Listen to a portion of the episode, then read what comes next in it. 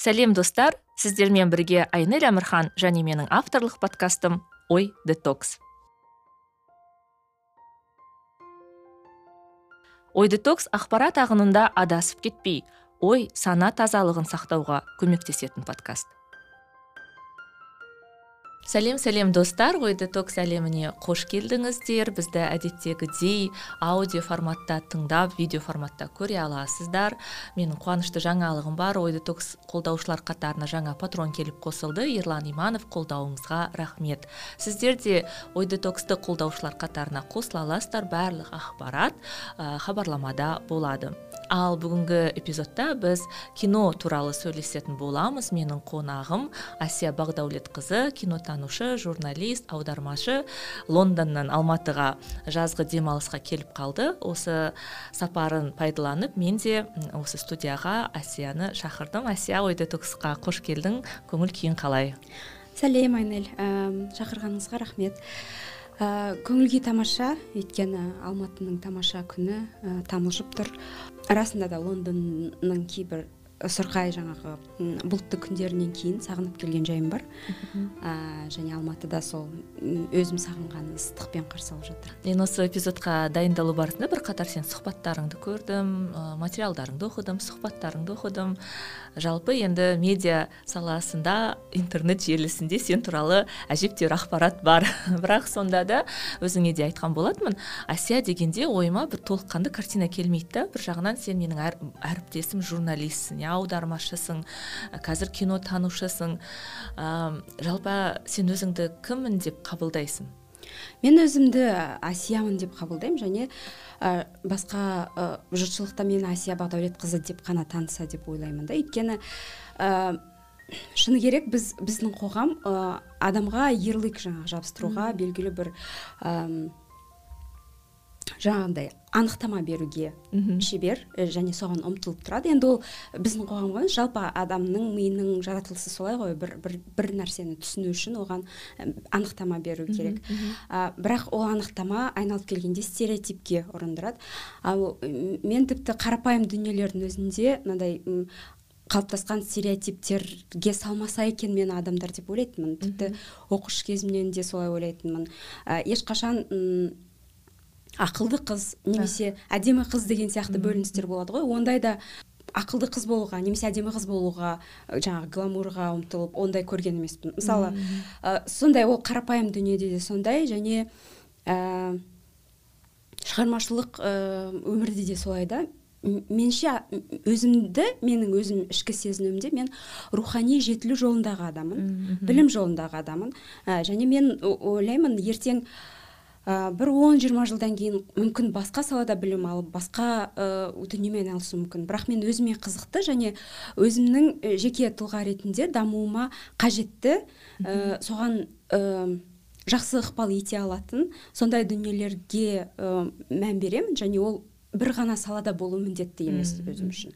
Және енді былай айналған кезде аударма кинотану журналистика деген әртүрлі дүниелер болып көрінгенмен мен журналистиканың өзінде мысалы әлеуметтік тақырыпта немесе саяси тақырыпта ешқашан жазған жоқпын ғой. Мен жаңадан ә, шығармашылық жолды бастаған кезде бәлкім жаздым бір бес алты мақала бірақ сонымен шектелдім мен қалай екінші курстан ба жұмыс істеп бастадым алматы ақшамда сол кезден бастап мен негізгі тақырыбым руханият. Қазақ руханияты әлем әлемдік руханият.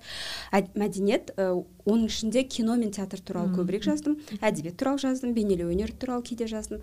Бірақ осылардың ішінде жаңа кино тануға келген себебім мен біреуін таңдауым керек болды. Өйткені журналистиканы білесіз ғой өзіңіз де оқыдық қой бір факультетте. Онда салалық білімнен гөрі жаңа журналистиканың жалпы жанрлары тағы басқа сол медиаға қатысты білім береді. Ал медиа мен медиадағы бір бағытты таңдасаң салалық журналистиканы иә онда өзіңе ә, білімді жетілдіру керек өзіңді өзің толықтырып отыруың керек yeah. Иә. сондықтан да мен жаңағы айтып отырған бағыттардың ішінен киноны таңдадым өйткені ә, осы дәуірдегі ең маңызды ең ә, бәріне әсер ете алатын көп көрерменге көп ә, халыққа жет, жететін медиа болғандықтан медиум болғандықтан сол киноны таңдадым және сол, сол ә, бағытта ә, білімімді толықтырып жатырмын иә. Енді мен бұрын кинотанушы жаңағы кинотанушы ретінде мысалы магистратураны докторантураны оқымай тұрғанда да ә, кейбір ә, жаңағы телеарналар шақырып киносыншы деген сияқты таныстыратын мені сол иә. кезде ә, шынымды айтқанда менде импостер синдром болатын. Өйткені менде арнайы білім жоқ. Ә, бұл қалай деген сияқты. Бірақ ішімнен қысылғанымен ә, былай жаңағы не деуші еді әлгі? Ә, көрсетпес деп. Өзінің ұмытып қалдым. Иә бір мақал бар. В общем қысқасы ә, сол өзім іштей күмән жаңағы күдік болғанымен оны көрсетпеуге тырысып солай жүретінмін. Бірақ негізгі іштей мақсатым сол болды. Біреуін таңдап бір... бірақ ә, таңдау қиын болды. Ә, маған өйткені әдебиет те жақын театр да жақын ә, кино да жақын. Бірақ сол киноны таңдадым және оған өкінбеймін қазір. Ал аудармаға келу себебім мен ә, ағылшын тілін ә, кеш үйренген адаммын көп адамдармен салыстырғанда. Бірақ ол өзіме жеке челлендж болды. Ә, мен ә, болашаққа ә, түсемін деп дайындалған уақыттан бастап оқыдым. Бір бір жылдың көлемінде ғана шығар. Енді оның алдында мектепте олар саналмайды деп ойлаймын. Өйткені ауыл мектебінде оқыдым yeah, онда білім енді элементари деңгейінде қалып қалған болатын. Бірақ мен өте көп уақытымды энергиямды соған жұмсадым. Және ол ә, менде мақсат ағылшын ә, нейтивтер сияқты болмаса да сон бір өте жоғары деңгейде адванс деңгейде білу. Және мен жазғанымды ә, ағылшын тілді оқырман ешқандай түзетусіз оқи алатындай деңгейге жету ә, сол болатын негізгі мақсатым. Сондықтан да ә, аударма бюросының жаңа жобасы келген кезде ә, қазақ антологияларын әдебиетін аудару шетелге абайды аудару деген сияқты. Ә, мен оған келістім. Өйткені сол кезде өзімнің ә, жаңа ағылшын тілі деңгейіме сенімді болдым. Және екіншіден ә, бұл да руханият қой. Айналып келгенде мен бұрын өзім зерттеп қызығып жүрген тақырып. Ә, және ә, тіл де мен үшін челлендж болды. Ә, сондықтан да оны да еңсеру үшін өзімді одан әрі жетілдіру үшін ә, қызық болған жобаларды енді қазір де ара тұра аударма жасап тұрамын. Бірақ сол әлі де ағылшынымды сондай жетілдіру үстіндемін. Ә, және ол маған қызық. Мен де ағылшын тілін кеш үйренуге бет буған адамдардың бірімін. Әлі күнге дейін бір күшті білем деп айта алмаймын. Ә, мен осы айда диплом алып жатырмын. Ә, роберт гордон университетін аяқтадым. Ә, және сенің куин мэридағы ә, бакала а, магистратураны бітіргенде аутстандинг ачивментспен бітіргеніңді тіпті қандай да қомақты қаржылық сыйлыққа ие болғаныңды оқығанда ә, шын мәнінде сен ә, қалай мақтандым сенен себебі мен енді өзім үш жылдай қашықтықтан оқығанның өзінде қандай еңбек екенін түсінемін да оның. Ә, біз үшін ондай жетістікке жету ол үлкен үлкен баға. Қалай ағылшын тіліңді жетілдірдің осындай деңгейге қалай жеттің? Маған және менің тыңдармандарым көрермендеріме айтып жіберші.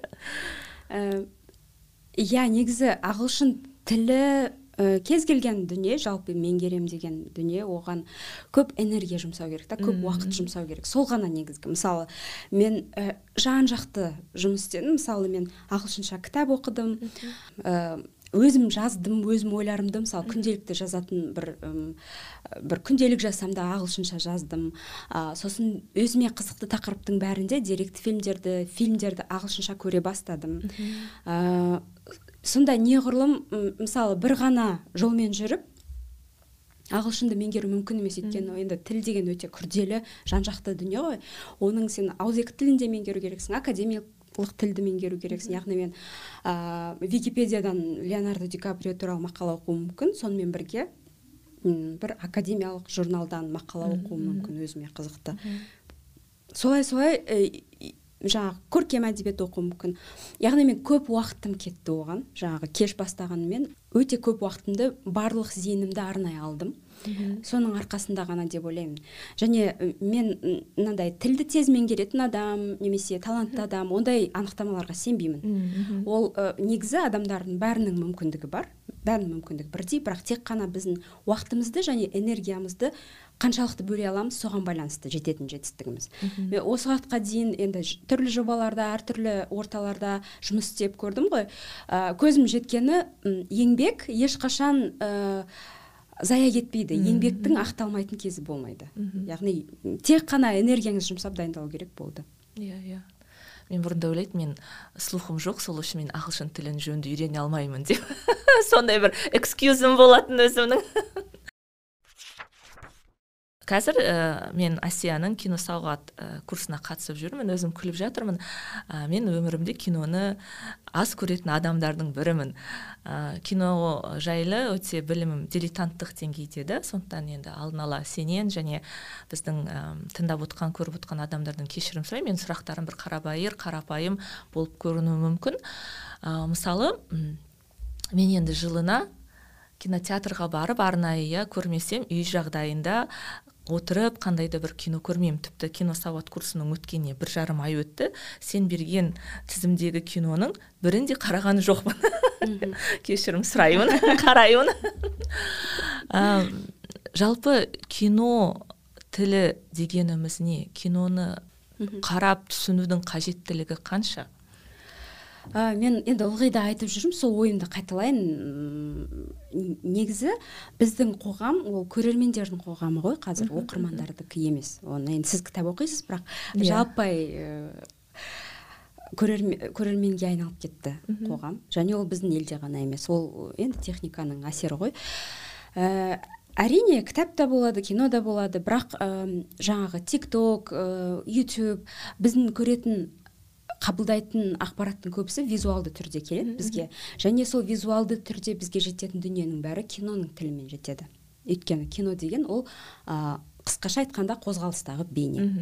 Қозғалатын кез келген бейне ол киноның ә, жаңағы аясында қарастырылады. Сондықтан біз көріп жүрген біздің ә, жаңағы қоғамды ә, билеп тұрған санасын билеп тұрған дүниенің бәрі әлеуметтік желідегі болсын интернеттегі телеарнадағы болсын оның барлығы сол киноның негізгі аясында қарастырылады. Ә, енді меніңше киноға ә, екі тұрғыдан қарау керек та. Ол бірінші идеология идеялық тұрғыда идеология емес идеялық тұрғыда көзқарас тұрғысынан мысалы ә, киноның теориясы деген бір ғана ыыы кілт ұғым жоқ. Онда енді ол кез келген гуманитарлық салада солай әдебиетте де солай театрда да солай. Ә, киноның теориясы дегенде біз мысалы феминистік теория ә, пост ә, колониалдық теория жаңағы квир теориясы. Сол сияқты бөліп айтамыз. Яғни постструктурализм сол белгілі бір ә, майндсет жаңағы белгілі бір ой тарапынан қарау киноға. Ә, және біз киноны немесе кез келген ақпаратты қабылдап отырғанда бұл қандай жаңағы ә, көзқарас тұрғысынан жазылды немесе айтылды бізге жетіп отыр соған мән беруіміз керек. Бір. Екіншіден киноның тілі деген ол м формалық тұрғыдан ерекше ә, жаңағы курста айтып жүргенімдей ә, камераның ракурсы ә, қозғалысы монтаж ә, мизансцена дыбыс. Оның барлығы барлығы барлығы ә, айналып келген кезде сол өзара әрекеттесіп мағыналар тудырады. Біз енді әдетте кино десе ә, оқиға деп ойлайды ғой сюжет деп иә, ойлайды иә анау ә, бір екі жас ә, туған туыстарының қарсылығына қарамай қосылды да ә, бақытты болды. Ә, бақытты болды. Немесе ромео мен джульеттаның жағдайында ә, бақытсыз болды. Бірақ ә, кино деген ол ғана емес кино сюжет емес кино әдебиет емес ондағы диалогтар ол маңызды маңызды бірақ шешуші рөлді атқармайды. Кино сол синтездік өнер ретінде ондағы барлық элементтерін көре білу керек. Сол кезде ә, жаңа не үшін керек деп отырсыз ғой? Ең алдымен кино арқылы және жалпы визуалдық ақпарат арқылы бізге ә, көрерменнің санасын манипуляциялайтын көп ақпарат беріледі. Ол маркетингтік ақпарат болуы мүмкін ол идеологиялық ақпарат болуы мүмкін және басқа. Ә, ал солардың бәрі қалайша біздің түп санамызға жетіп жатыр? Ә, қалайша халықтың пікірі мысалы соғыс жағдайында болсын иә үкіметін қолдайды немесе қолдамайды иә. Қалайша белгілі бүтін бір халықтарды дегуманизация жасауға болады. Кино арқылы немесе кез келген визуалдық ақпарат арқылы. Соның барлығын түсіну үшін керек. Яғни ә, киноның тілін түсінген адам ә, қазіргі дәуірде беріліп жатқан ақпараттық болып жатқан ақпараттық соғыстағы ә, манипуляцияларға бой алдырмайды. Өйткені ә, қандай жолмен қандай элемент киноның қандай элементтерін пайдалана отырып және қандай көзқарас тұрғысынан ол жеткізіліп отырғанын ә, ол ақпараттанған адам түсініп отырады. Сондықтан негізгі мақсат ол бізде жан жақтан ә, жаңағы бомбалап жатқан түрлі ақпараттық ә, ағында ә, киноның өзінде де солай ғой түрлі идеологиялық ә, соғыстар жүріп жатыр. Соның барлығына ә, жаңағы әуер дейді ғой. Соның барлығына соншалықты ашық көзқараспен сергек болу және түсіну. Иә менің де ә, неге мен осы кино сауытқа бардым неге мен осы тақырыпқа қызыға бастадым дегендегі алғашқы ә, сұрақтарға жауабымның бірі мысалы расында да мен бұрында киноны идеологияның құралы деп ешқашан қарастырмайтынмын. Мысалы маған идеологияның құралы ол жаңағы театр ә, медиа ә, көптеген енді басқа журналистердің материалдары рес, республикалық арналардан көрсетілетін бағдарламалар деп қарайтынмын да. Ал қазіргі мысалы әсіресе ресей мен украина жағдайында мен бұл мәселеге өте терең ә, бойлай бастадым. Қалай ғана адамдар ә, осындай ақпараттық жаңа сіз айтып жатсыз ғой соғыс кезінде неге алданып қалады? Ол енді бір күнде бола саған нәрсе емес қой жылдар бойы бізге жайлап жайлап жайлап кино арқылы медиа арқылы өлең арқылы ә, театр арқылы құйылған нәрселер да. Және менің де талпынысым осыны түсіну болатын. Сондықтан да мен мысалы киноны түсінгім келеді оның берері не деп. Сіздің тақырыбыңыз қазір докторантурадағы мысалы мен оқығанда таң қалдым қызық тақырып. Ұлы отан соғысы кезіндегі ә, совет фильмдері иә? Кеңес фильмдері дейміз ба осы жайлы кішкене айтып берсеңіз себебі қазіргі жағдаймен өте қатты ұштасатын сияқты. Иә өте біз өзіміз таңғалдық. Енді мен ә, докторантураның тақырыбын ойластырғанда бұл негізі басқа тақырыппен ұсынылған ә, жоба болатын. Бірақ енді ә, мен ол жобаны қабылдар кезде айттым. Мен тура осы күйінде оны жасағым келмейді. Өйткені мен ә, жаңағы қазақстанға және орталық азияға ә, қатыстырып жасағым келеді деп сонымен жетекшілерім келісті және сол бағытта бір екі айдың ішінде жаңа жоба жазып шықтым және осы сол жоба өйткені о бастағы неге ұлы отан соғысы өйткені о баста ұсынылған жоба сол ә, кезеңді қамту керек болатын. Ол кезде қазақстанда жаңағы жеке киностудиялар өзбекстанда ондай жаңадан құрылып жатқан кезі біресе восток кино болып біресе басқа болып жаңағы бір бір аласапыран кез өте үлкен жаңағы табысты дүниелер әрине ол кезде түсіре қойған жоқ және олар батыста көрсетіле қойған жоқ ол кезде. Сондықтан да ал мен енді лондонда оқығандықтан ол британ мәдениетімен байланысты болу керек. яғни британ халқы медиасы бұл фильмдерді қалай қабылдады деген мәселе болу керек онда. Яғни ә, содан айналып келіп менің тақырыбым ұлы отан соғысы жылдарындағы ә, жақшаның ішінде британияда көрсетілген кеңес фильмдеріндегі ә, орта ә, орталық азия ә, айдентитилерін жаңағы тұлғалардың көрінісі деген. Мендік дейді ғой қазір. Иә мендік дейді кімдік дейді қиын енді иә, иә. идентификация деп жатады бірақ иә. қысқасы сол орта азиялықтардың көрінісі ғой. Және оны британдықтар қалай қабылдады? Жаңа сіз айтып отырсыз ғой мен киноның идеология екенін кейінірек бойлап жатырмын деп. Бірақ кино ең эффективті идеология ғой түрі. Ол ә, лениннің кезіндегі айтқан сөзі бар атақты важнейшее из искусств деген. ол важнейшее дегенде ол өнер ретінде айтып тұрған жоқ оны. Ол идеологиялық құрал ретінде айтып тұр. Және оны ә, сталин ә, ленин де сталин де жалпы кеңес одағы өте шебер қолданды. Дүние жүзі тарихында киноны идеологиялық құрал ретінде ең мықты пайдаланған үш ел болса ол осы кеңес одағы сосын германия және ақш.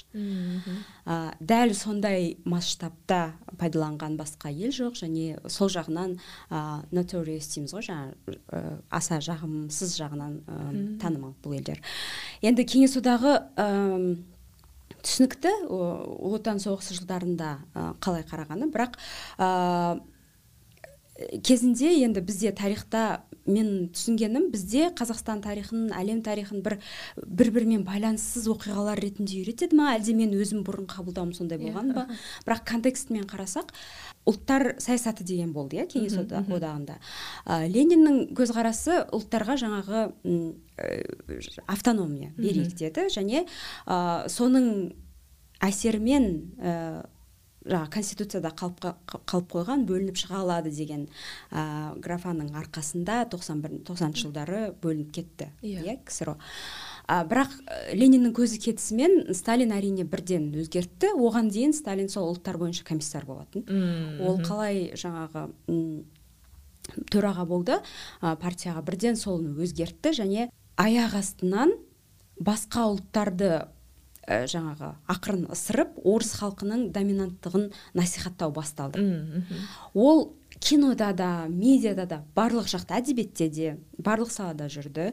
Ә, және ә, жаңағы кинотану курсынан сіздер білетіндей формализм жиырмасыншы жылдары пайда болған ксро дағы ә, бағытты оны өлтірді. Орнына соцреализмді әкелді және оны бір заңға айналдырды.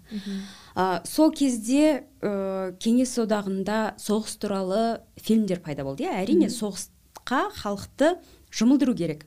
Бірақ ә, жергілікті халықтар орыстың батырларынан рухтана алмайды. Сондықтан жергілікті халыққа жергілікті батырлар ә, тауып беру керек. Ә, бірақ үлкен проблема туды. Мысалы исатай махамбет деген жаңа архивте жұмыс істеп келіп отырмын ғой. Сонда исатай махамбет деген сценарий жазылған сол соғыс жылдарында. Бірақ ол өтпеді. Неге? Өйткені ол кезінде орыстарға түбінде айналып келген кезде қарсы күрескен. Батырлар ғой. Ә, тура сол сияқты ә, сол қырық үшінші жылы мәселен ана панкратова бастаған ғалымдардың ә, бөкейхановтың ә, да бір соның қатарында бар егер ә, бөкейханов ғой бекмаханов ә, кешірім сұраймын. Сол құрамда бар егер қателеспесем. Олардың қазақстан тарихы туралы жазған еңбегі оқулығы ә, оған да кенет жаңағы бан болды. Үм, неге? Өйткені соған дейін соғыс басталған кезде ә, сталиннің сөзі ә, дорогие мои братья и сестры жұрттың бәріне бауырым деп солай сөйлеген және ә, немістер туралы былай айтқан. Олар националистер емес олар нацисттер деп айтқан. Демек аяқ астынан нацист националистер деген сөз жағымды коннотацияға ие болды. Ал соның алдында бұл қырық бірінші жыл иә? Соның алдында отыз жеті отыз сегізінші жылы үлкен қырғын болып ә, қанша миллион адамды мысалы ол националист деген ә, желеумен өзі қырып ә, атып түрмеге қамап сондай ә, тазалау жүргізді ғой мысалы. Сонда айналасы екі үш жылдың ішінде өзгеріс нарративте. Сол кезде жаңағы панкратованың қазақстан тарихын жазуы да өзгергені сол біздің аяқ астынан жаңағы кенесарыны көтеріп ә, исатай махамбетті айтуға рұқсат болады деп ойлап қалғанымыз алданып қалғанымыз да сол. Өйткені сол ә, бір өзгеріс болатындай сезілді. Бірақ соғыс басталып кеткеннен кейін түсінікті болды. Негізгі ә, барлық дүние сол орыстарға бағытталған. Жаңағы невский алдында ғана эйзенштейн түсірілген түсірген кутузов ә, петр бірінші. Сол сияқты орыстың ежелгі тұлғаларын ә, біздің совет одағының тұлғалары ретінде насихаттады. Ал ә, батор деген моңғолияның батыры болды. Сол туралы фильм түсірілді. Давид бек деген анау грузияның бір батыры туралы түсірілді. Ә, орта азиядан сондай батыр тұлға таппады. Өйткені біздің батырлардың бәрі орыстарға қарсы соғысқан екен. Мм. соны айналып келгенде бұл жерде ә, біресе жамбыл туралы түсіреміз деді Иә, иә. біресе абай туралы түсіреміз деді. Бірақ ә, сол кезде шетелге шығатын деңгейде түсірілген фильм ол жаңағы насреддиндегі ә, ой бұхарадағы насреддин деген фильм. яғни өте ә, безобидный дейміз Иә, ғой. иә. ешкімге зияны жоқ. Ә, фольклор кейіпкері туралы фильм түсірді батырлар туралы емес. Ә, былай айналып келгенде енді бұл мен өзім тақырыбым болғандықтан ә, айта беремін. Ә, бірақ ә, сіз мені тоқтатып отырыңыз. Маған қызық болып отыр. Тоқтат болмайды. бірақ негізгі мен айтқым бұл тезиспен айтқым келіп отырғаны ә, жалпы сол кездегі ә, кеңес киносында яғни славяндардың көз бет келбеті және тарихы қаншалықты көрсетілді мәдениеті және ә, со- ә, сонымен бірге басқа ұлттардың оның ішінде орталық азия халықтарының қазіргі орталық азия халықтарының ә, және нейтив халықтарының. Өйткені айналып келгенде мысалы бритиштар түсінбейтін бір дүние бар. Олар мен ә, мен мысалы жиырма сегіз гвардияшылар ә, жаңағы панфиловшылар туралы айтсам және ол жердегі клочков клочковтың ә, әйелі ә, бір деректі фильмде ә, көрініп қалады. Сол туралы айтқан кезде мысалы менің жетекшілерім ол енді қазақ қой деп айтады да. Олар үшін ол қазақ қой.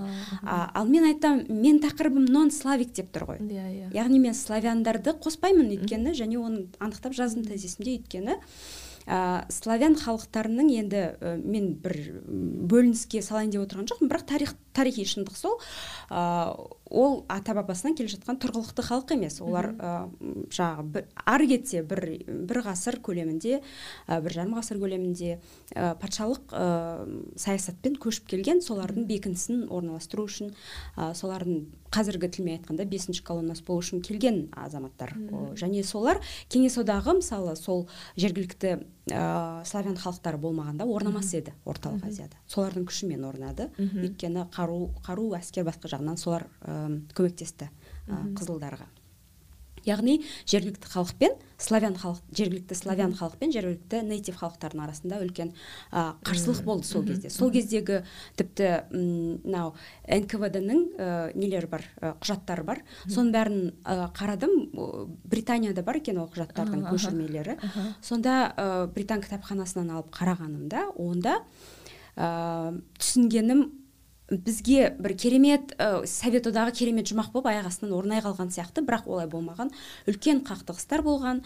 Кез келген жұмыс орнында ә, азиат халықтарды кемсіту болған ә, және ә, екі ортада қақтығыстар славяндар мен азиаттардың арасында өте көп болған сол дәуірде. Мен зерттеуіммен айтқым келетіні бұл ә, кеңес одағы ә, жаңағы ағылшын тілді академиялық орта соңғы уақыттағы ойлайтындай ә, кеңес одағы тек қана жарылқап жаңағы модернизация ә, сыйлап қойған жоқ. Қазақ халқына немесе барлық басқа да орта азия ә, орталық азия халықтарына. Ә, өте жаңағы көзге көрінетіндей ә, жоқ деп жаңағы мойындамай қоюға болмайтындай деңгейде ә, орыс халқынан төмен көрсетті. Бағынышты ә, жаңағы інісі дейді ғой. Yeah. Иә. сондай деңгейде көрсетті. Және ол бүтіндей халықтардың психологиясына өзіндік идентификациясына санасына әсер етті. Әлі күнге дейін әсер етіп келе жатыр.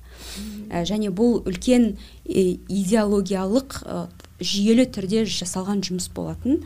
Ә, және соның жемісін біз қазір де көріп отырмыз. Ә, сондықтан да мен үшін бұл өте маңызды тақырып. Жеке өзім жаңағы қазақ қызы ретінде мен үшін маңызды тақырып. Ә, сол арқылы мен тек қана енді кино призмасымен қарағанымен сол ә, кеңес одағы тарихына ресей тарихына ә, баға берген көптеген жаңағы батыстық академиктермен полемикаға түскім келеді. Ә, өйткені ә, орта азиялық перспектива көп жағдайда ә, жасырын болып келді. О, осы әсел мұтлу деген автордың бір сөзі бар. Ә, dark matter дейді. Мынау астр, астрономиялық терминді алған.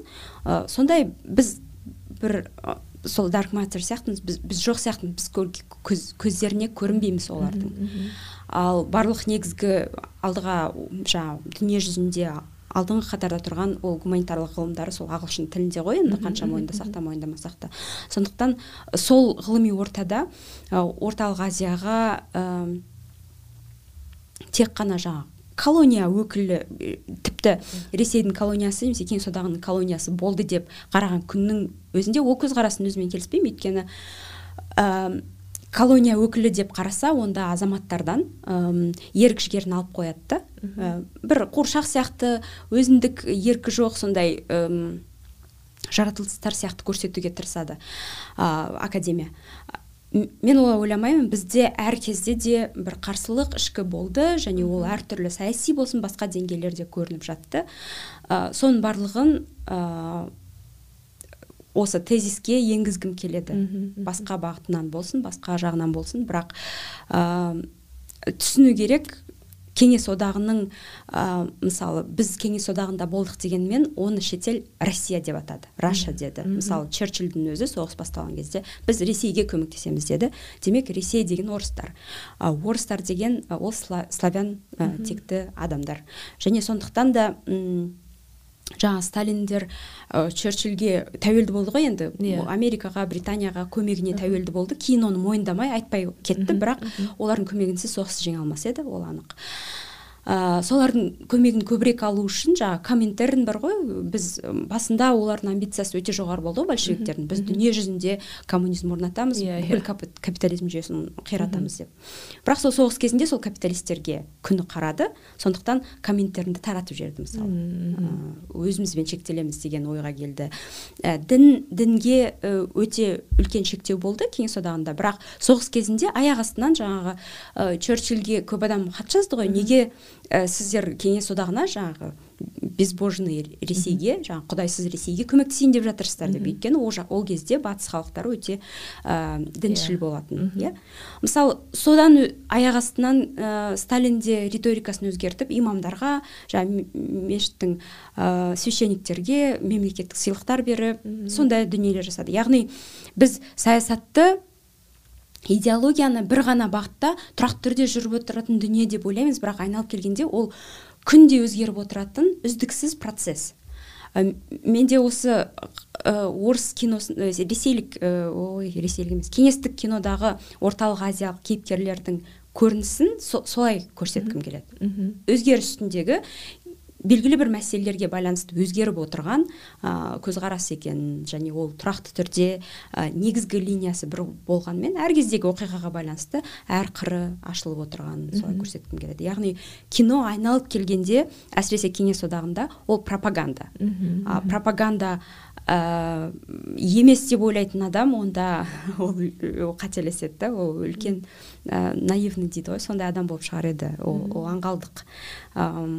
Ал қазіргі дәуірде оның қаншалықты жаңағы орынды болып отырғанын бұл тақырыптың біз осы соғыстан да көріп отырмыз. Өйткені бұл соғысқа әкеліп отырған тура сол ә, сталин қалыптастырған сол кеңестік конъюнктура қалыптастырған ә, идеологиялық жаңағы басымдықтың приоритеттің ә, кесірінен болып тұр. Адамдардың миында орнаған. Ә, біз бәріне иеміз біз бәрінен биікпіз жоғарымыз деген ұлы державалық шовинизм дейді ғой. Сол кінәлі. Ал ә, батыста мысалы ұлыбритания бүкіл ә, дүниенің жартысын билеген үлкен империя ғой. Олар ә, сол тарих туралы ұялып айтады мысалы. Олар олар қазір бір аяқ астынан үндістанға барып біз сендерді бір кезде билегенбіз. Біз енді осы жерде билік құрамыз десе қалай күлкілі көрінер еді? yeah, yeah. тура сол сияқты ғой қазіргі істеп отырған. Яғни негізгі ғылымға жетпейтіні әсіресе ресейлік ә, медиа ортаға жетпейтіні сол ә, бізге де. Сананы деколонизация жасау орыстардың өзінің санасын отарсыздандыру керек. Сол кезде біздің аймақта тыныштық та береке де сол кезде болады. Оған дейін ә, соғыс тоқтағанмен бәрібір ә, берекелі өмір болмайды деп ойлаймын. Бірақ енді мысалы киноның идеологиялық күші соншалықты мысалы біз мектепте оқып жүргенде жетпіс жыл біз кеңес одағының боданында болдық деп оқыдық қой. Одан қалса отыз жыл тәуелсіздігіміз болды иә. Бірақ біздің сана сезіміміз аса өзгере қоймады. Былай қарасаң бір ғасыр өтті иә жүз жыл өтті жүз жыл өтті. Ә, біздің сана сезіміміздің өзгеруіне көрші елдегі жағдай әсер ете бастағандай. Себебі қазір елдің бәрі ә, осы жерде тұратын славян халқының өкілдері ә, қазақ тілін оқи бастады қазақ тілін білмейтін қазақтар қазақша сөйлесе бастады иә yeah, мен де байқадым. Сондай бір тенденция орын алып жатыр да. Ал бірақ соңғы жылда кино әлемінде біздің сана сезімімізге әсер ететіндей кино болмаған сияқты. Отандық қазақстандық деңгейде. Ә, бұл енді күрделі мәселе. Өйткені сырттан қарағанда бізде ұлттық идентификацияға жұмыс істеп жатқан фильмдер жетерлік. Негізі біз енді әрине орындалу жағынан өте нашар болуы мүмкін. Бірақ ә, біз түсіріп жатқан тарихи фильмдердің барлығы айналып келгенде ұлттық идентификацияға жұмыс істейді. Ә, онымен қоса мысалы авторлық фильмдердің қай қайсысы болса да мысалы әділхан ержановтың фильмдері немесе дәрежан өмірбаевтың ә, серік әпірімовтың фильмдері олардың барлығында айналып келгенде бір ұлттық кодтар жасырулы негізі ә, біз ә, кейде осы қазақы ортада. Мен өзім сол қазақ журналистерінің ортасынан өсіп шықтым ғой. Ә, бізде ә, орысша сөйлейтін адамдарды орысша ойлайды деп бөл, бөліп тастау сондай yeah. Иә. өте көп. Ә, бір кездерде мен өзім де солай ойлайтынмын. Өйткені ә, сол бір, бір бір бір қазанда қайнадым да сол бірақ қазір дүниенің ондай оңай емес екенін күрделірек екенін түсінемін. Сондықтан ә, кейбір фильмдерді мысалы талдаған кезде қазақстандық кейбір қазақы ұғымдар түсініктер олар бейсаналы түрде м тіпті орысша сөйлейтін қазақша білмейтін адамдарға да сіңіп кеткенін түсінемін. Яғни біз қалай болғанда да ә, иә кеңес одағының идеологиясы өте мықты болды. Бірақ соған қарамастан ә, ұлттық сипат бәрібір қалды сақталды және ол сақтала да береді деп ойлаймын. Қандай жағдай болмасын. А қандай фильмдерді айтып жатырсыз жаңағы? Ұлттық идентификация жайлы? Мысалы, кез келген серік апрамовтың бауыр деген фильмін алыңыз иә? Ода сол ә, қазақтың түсінігімен түсірілген фильм ғой. Ал ә, серік апрамовты мысалы бізде ә, қазақы журналистердің ортасында мысалы көп сынайды иә ол жаңағы. Ә, сол сияқты ғой. Кез келген сондай фильмдерді алып қарасаңыз ә, бұл жасырын осы мысалы ермек тұрсыновтың келін фильмін алыңыз иә біз бізде де қоғамда үлкен қарсылық болды yeah. Иә. әсіресе қазақы ортада үлкен қарсылық болды кезінде шу шығарды ғой ол фильм бірақ айналып келгенде ол жерде ескі қазақы түсінік ә, әйелдің орны деген сияқты менің жеке көзқарасым ол әйелдің орнына орны туралы оған одан басқа мен оған келіспеймін бірақ ол ә, қазақ халқында бұрыннан ә, келе жатқан көзқарас екеніне келісемін мысалы сондай бізде кейде дәстүрлі нарративтің өкілдері дискурстың иә өкілдері қарсы шығатын фильмдер керісінше сол дәстүрлі нарративке жұмыс істейді негізінде. Айналып келгенде. Бірақ ә, біздің сол дәстүрлі нарративті насихаттайтын журналистер медиа орта ол орта ана фильмдердің сыртқы формасын ғана қабылдайды да. Ішкі негізгі месседжді ә, аса ә, анализ жасамайтын сияқты ішкі месседжге. Сондықтан да оған қарсы шығып жатады. Әйтпесе бәрі бір фронтта жүрген дүниелер олар. Иә иә. Мысалы әділхан ержановтың ә, фильмдері енді артхаус қой иә. Оған ә, мен мысалы хозяевасын көрдім. Ә, чума вселика расул ма сол ә, қаратас. Қаратас иә. Ә, сол фильмдерін көрдім. Одан кейінгілерін ә, аса есімде жоқ. Ә, бірақ мысалы мен ә, сол показда бір, бірнеше журналист әріптестерімді шақырған болатынмын. Олар әсіресе хозяевадан шыққан айтты жоқ. Ол дұрыс емес ондай бізде болған емес деп ә, бір енді қабылдамау болды да. Тіпті шығып кеткендері де болды. Бірақ әділхан ержановтың кейде мен ойлаймын да арнайы ә, қандай да бір конкурстарға ә, арнап шығарғаннан кейін кішкене ә, асыра сілтеп жібере ма деген сияқты ойлар болады да. Мен олай ойламаймын адам ә, мысалы сол сол хозяеваның астанадағы премьерасында болғанда показында көрсетілімде болғанда ә, бір көрермен тұрып мынандай сұрақ қойған. Сіз неге осылай түсіресіз? деп. Мен таң қаламын да адам дүниені қалай көреді ол солай түсіреді. Ол сіз айтып отырғандай бір фестивальдерге арнап түсірмейді арнайы мен біреуге ұнайын деп түсірмейді адам. Олай түсірсе ол жұмыс істей алмас еді. Өйткені сіз дәл кім кімді көздейсіз? Мысалы сіз ә, әрбір адам жеке тұлға ғой негізі бір конъюнктураны оларды былай қойған кезде біреуге ұнау үшін бірдеңе жасау өте қиын негізі. Ондай дүниені бастап аяғына жету қиын. Ал әділхан ержановтың шығармашылығы ол өзіне адал. Ол өзі қалай көреді дүниені солай түсіреді. Мысалы хозяева фильмінде ә, фильмнің негізгі фабуласы былай ғой енді жаңағы қаладан жетім қалған ә, жас ә, жаңағы ағайынды үшеу ә, өзінің тамыры деп ойлаған жаңағы ауылына қайтады. Бұл енді тәуелсіздік алған кезде жаңағы бізде мама папамыз жоқ қазақстанның москва жоқ үстімізден қарап бәрін біз үшін шешіп отыратын. Өзіміздің өмірімізді өзіміз сүруіміз керек. Яғни біз қаладан шығып өзіміздің тамырымызға қарай ауылға қарай бет бұрдық. Ә, сол кезде сол сондай бір ә, қоғамдағы кезеңді алады және сол ауылға барған кезде сол ағайынды үшеу не табады не көреді? Сол біздің тамырымыз деп айтатын қазақылық деп айтатын дүниенің ішінде ә, не бар? Ол жерде ол көреді ә, парақорлық ә, қатыгездік ұрлық. қарлық иә. Кілең сондай дүниелер көреді. Енді адам егер солай көрсе мен оған неге сен осылай көресің деп айта алмаймын. Өйткені ол өзінің дүние танымы ғой. Ә, мен оның кейбірімен мүмкін келісемін. Бірақ ә, одан басқа дүниелер де бар екенін білемін. Өйткені өзім сол ауылдан шыққан адаммын иә. мысалы. Бірақ бұл жерде енді бір бір ә, ә, шартты түрде айтып отырмыз ғой. Бірақ оның ішінде ол фильмнің ішінде одан басқа өте күрделі көп дүниелер бар. Оның жаңағы түспен жарықпен жеткізетін дүниелері өте терең.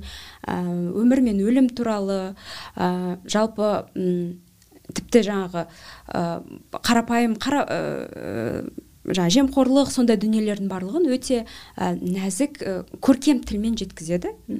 Маған ол ұнайтын фильм. Әрине белгілі бір көзқарас тұрғысынан оны ә, қазақша сөйлейтін ауылдан шыққан қазақы ортаға қарсы фильм деп қабылдауға болады. Бірақ олай қабылдамауға да болады. Ол ол жалпы жалпы елдің бір анықтамасы ретінде қабылдауға да болады.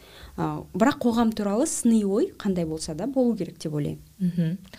Мысалы әсе мен сіз деп сен деп көше бердім ғой иә. Мына фильмді көргенде оны түсіндіруді қажет етеді да. Енді шынымен иә ол немесе сен ұзақ ойлануың керек иә біреу саған өйстіп айтып беруі керек. Ал қазір кинотеатрларда комедия киноларды түсіндірудің қажеті жоқ та ол жерде жаңағы әдеттегідей ене мен келіннің құдалардың қарым қатынасы енді сол деңгейден әлі аса алмай жатырмыз ғой. Ә, сондықтан оларды қабылдау жеңіл бізге көрермен ретінде. Және барасың ха ха хи хи дейсің да көресің попкорныңды жейсің колаңды ішесің де шығасың да ары қарай тірліктеріңмен кете бересің. Ұмытып қаласың ұмытып қаласың иә. а мына фильм ойлануды талап етеді ғой. Иә енді дұрыс қой ойлануды талап біз біз мысалы сіз әртүрлі кітап оқисыз иә? Ә, сіз ойлануды талап ететін кітаптарды оқисыз ғой. Иә. Керек қой сізге. Тура сол сияқты ғой кинода. Ойлануды талап ететін кино көру керек. Ол адамды өсіреді рухани. Ойлану ешкімге зиян болмаған осы уақытқа дейін. Бірақ оған да келу керек қой деймін да мысалы. иә ол үшін көрерменді тәрбиелеу керек. Ә, мысалы батыста ә, онда да жалпы жалпы картина сондай. Негізі мынандай попкорн фильмдерге өте көп барады. Кассаны жинайтын жеңіл фильмдер. Ә, артхаустық фильмдер ондай ә, кең аудиторияға таралмайды. Бірақ ондай фильмдер түсіріледі және оның өз аудиториясы бар. Тек қана сондай фильмдерді тіпті ескі фильмдерді көрсететін кинотеатрлардың желілері бар. Ә, сондай мысалы лондонның өзінде иә. бірнеше сондай мысалы кинотеатрлар бар. Ә, жаңағы барбикон ә, ап деген сияқты. Олардың барлығында сол негізінен артхаустық классикалық э, режиссерлерді көрсетеді немесе заманауи жаңадан шығып жатқан бірақ сондай ойлануды талап ететін ә, фильмдерді көрсетеді. Және онда ылғи да тола залдар ә, және ол жерде лекциялар өтеді киноға қатысты мысалы сюрреализм кинодағы сюрреализм деген сияқты тағы басқа. Яғни өте қызық ә, рухани орта бар онда. Ә, бізде ол жоқ емес бізге соны тек біріктіру керек және кеңірек сол қалыптастыру керек сол мәдениетті сондай кино туралы айтатын оны талдайтын ойланатын а, киноға попкорн деп қана қарамайтын ортаны қалыптастыру керек. Кезінде тарковскийдің бір сөзі бар еді ашынып айтатын кино деген сағыз сияқты болды деп. Шайнап шайнап лақтыра саламыз деп.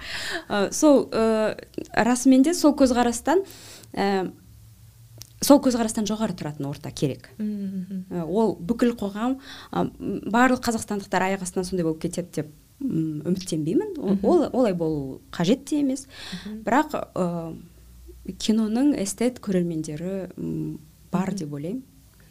Бізде әсия кинода цензура бар ма? Жаңа тарковский деп жатсыз ғой мен. Андрей долиннан естідім ғой деймін. Тарковский цензурадан ә, қашып шығатын өзіндік бір жолын ә, тапқан режиссерлардың бірі және бірегейі дейді енді оған у него получилось это дейді да ал ә, бізде қазір цензура бар ма? Мен шал онша білмейді екенмін. Мәдениет министрлігіне барып бекітуің керек па? Қандай да бір фильмді? Ә, сценарийді жаңағы қазақфильм сосын мынау кино жобаларды қолдау орталығы ә, деген бар ғой. Сонда өткізеді сонда ә, жаңағы питчинг болады комиссия қабылдайды сценарийлерді оқиды. Ә, және өзгертетін болса өзгерістер ұсынатын болу керек деп ойлаймын. Бірақ бір айтылмайтын ә, ішкі цензура көбірек па деп ойлаймын режиссерлерде. Ә, мысалы жаңағы әділхан ержановтардың эмир байғазиндардың күйініп жүретіні сол ғой бізде көп мүмкіндік бермейді. Ә, мүлдем бермейді деп айта алмаймыз. Өйткені олардың алғашқы фильмдері негізінен қазақ фильмінің қолдауымен түсірілді ғой енді. Ә, бірақ ә, сондай бәрібір ә, ауада тұрған бірақ айтылмайтын сондай сезілетін бір ә, кереғарлықтар бар. Білмеймін енді мен қолмен ұстап мынау министр мына фильмді түсіруге жаңағы тыйым салды деп айта алмаймын ондай фактіні білмеймін. Ондай болуы да болмауы да мүмкін. Бірақ ә, режиссерлер сценаристер өздері сол сценарийді бермей жатып ойланатын. Ал олар енді ақша алғысы келеді ғой мемлекеттен. Ақша алу үшін не істеуім керек деп жанталасып жаңағы мемлекеттің идеологиясына қарсы ештеңе айтып қоймайтындай тырысады деп ойлаймын. Тек қана жаңағы артхаустық фильмдердің ә, режиссерлері ғана өзінің позициясында тұруға көбінесе ә, дайын болады соңына дейін қиналса да. Ал жалпы көп режиссерлер сценаристер сол ә, конъюнктураға қарай икемделеді. Осы ішкі цензура демекші. Сонымен жалпы күресу жолдары бар ма? Мысалы мен өзім де ә, авторлық жеке жоба жасап жатырмын иә. Бірақ сонда да өзім кейде мен енді төбемде тұрған ешкім жоқ қой иә. Өзім де жеке іштей қандай да бір цензураға қонақ шақыру барысында қонақтарға қандай сұрақтар қандай да бір сұрақтар қою барысында өзім сезіп отырамын. Ә, тіпті өткенде ә, мысалы біз кездестік қой сол кезде бір журналист айтты маған ұнамайтын киноға бардым. Ә, бірақ енді үстіден мақтап жаз дегеннен кейін жаз дедім деді. Біз бәріміз күлдік сол жерде бірақ енді жылайтын нәрсе ғой иә бір екі жүзді бір қандай да ортада өмір сүріп жатқан сияқтымыз. Былай қарасаң бәріміз жақсымыз бірақ бәріміздің осындай бір қылықтарымыз бар. Жалпы осы ішкі цензурамен күресудің қандай да бір амалы бар ма? жалпы жақын болашақта одан арылатыны ә, жалғыз амалы ол білім көтеру ғой. Мысалы ә, бізде ә, тіпті орыс тілінің өзінде біз сөйлейтін білетін иә қазақ тілінде тіпті көп дүниелерге көп ұғымдарға анықтамалар жоқ негізі. Ағылшын тілінде бар иә? Ә, сіз жаңағы өзіңіздің қылығыңызды сол ағылшын тілінде оқып отырған кезде түсінесіз а мен мынандаймын ғой? сосын содан кейін оның қате екенін түсінесіз деген сияқты. да ал ә, ішкі цензура ол енді онымен күресудің жалғыз жолы жаңағындай өзіңізге құндылық ретінде сіз қалыптастырған осыған дейінгі дүниелер ге сыни көзбен қарай білу. Оны сыни көзбен қарай білу үшін тағы да жаңағындай мысалы гуманитарлық салада ә, біраз білімді жаңағы көтеру керек деп ойлаймын. Ол деколонизация болсын сананың ол жаңағы ә, феминистік немесе басқа ә, өмірді көрудің түрлі көзқарастарын теориялар дейміз ғой. Осы екінші дүниежүзілік соғыстан кейін.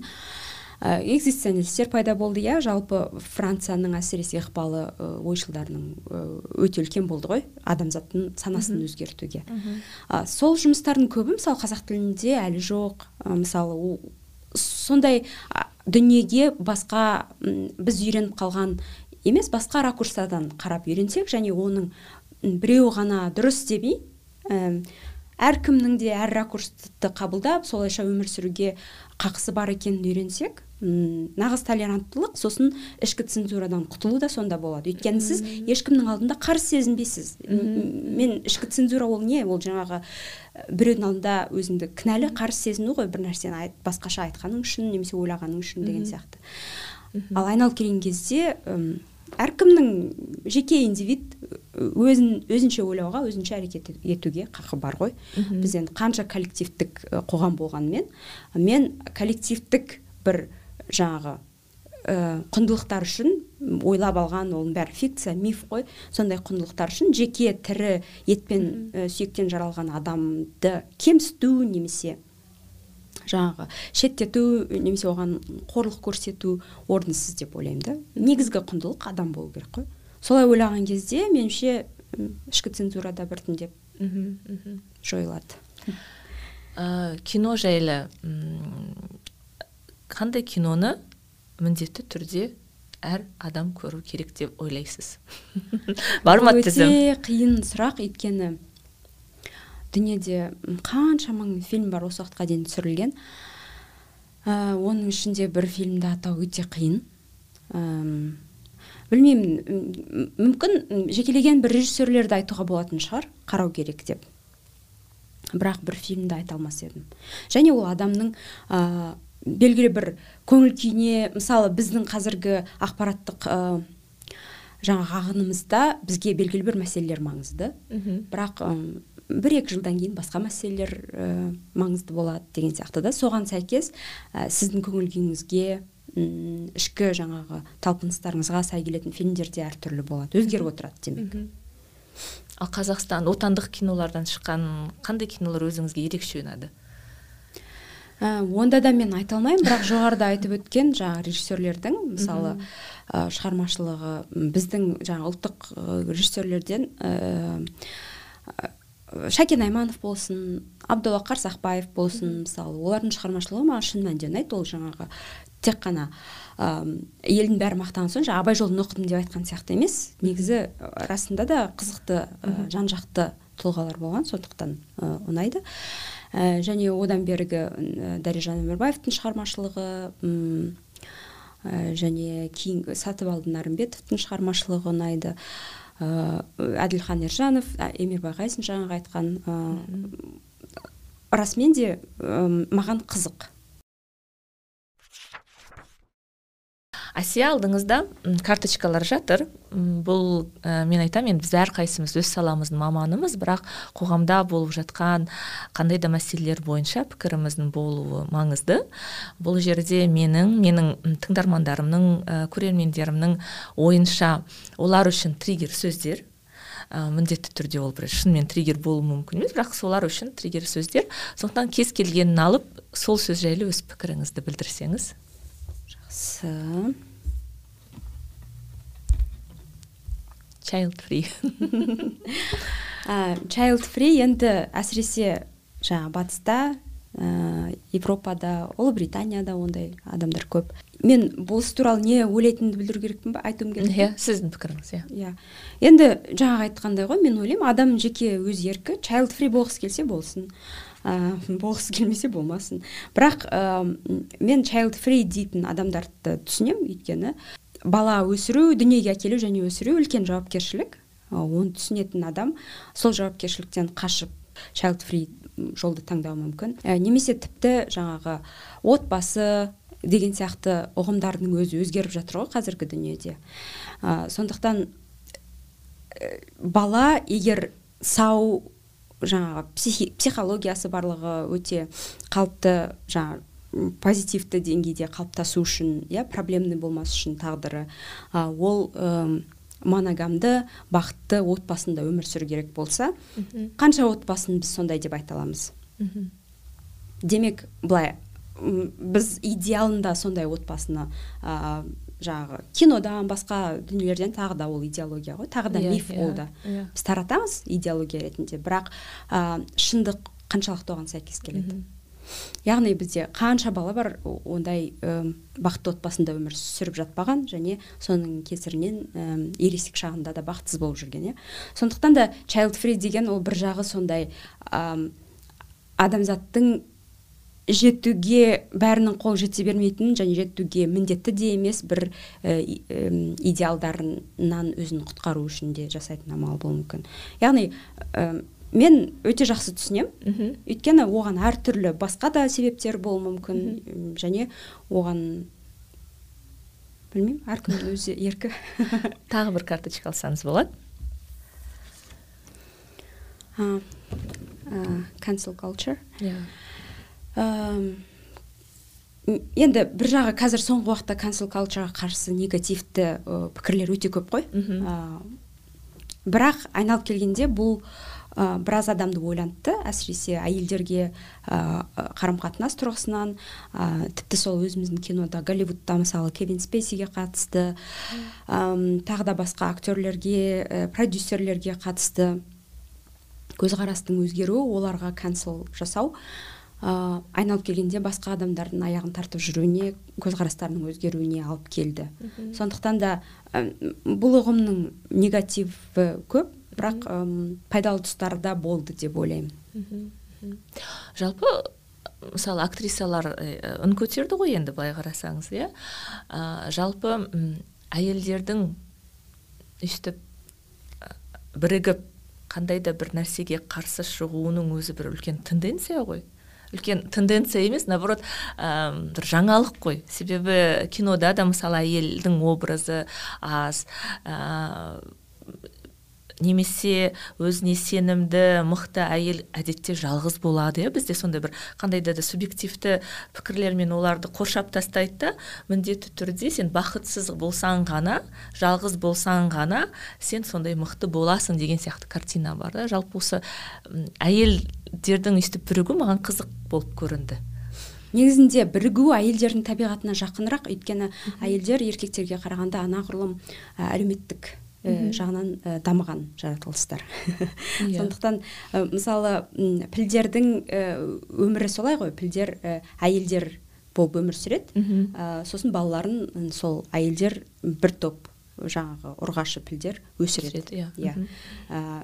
Біздің жаратылысымыз негізі ә, соншалықты бөлек емес. Бізде жаңағы баланың қалай болғанда да ә, болашағына әйелдер көбірек алаңдайды ә, соның қамқорлығын көбірек өзіне мойнына алады. Сондықтан ә, ал ондай жағдайда егер ол еркек адамнан ә, қолдау таба алмаса енді кімге барады? Басқа әйел адамнан өзінің анасынан әпкесінен құрбысынан тағы басқа көмек сұрайды.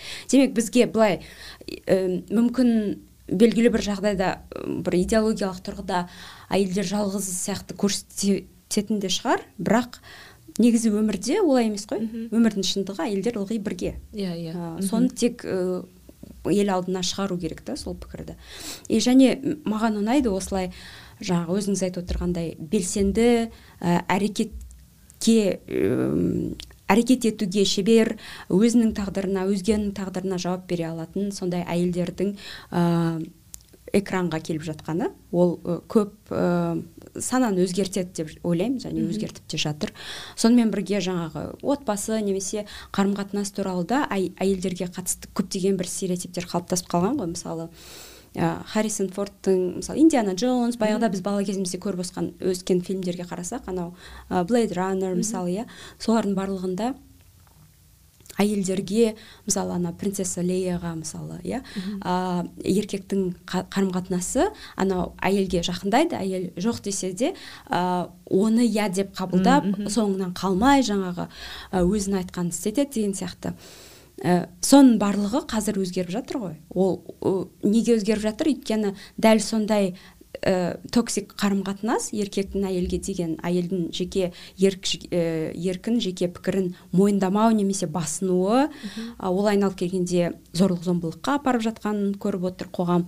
Сондықтан да сондай пікірлер ә, өзгеріп жатыр. Қарым қатынас туралы да және бізге қажетті бір нәрсе ол жаңағы консент дейді ғой. Сол соны қалыптастыру керек.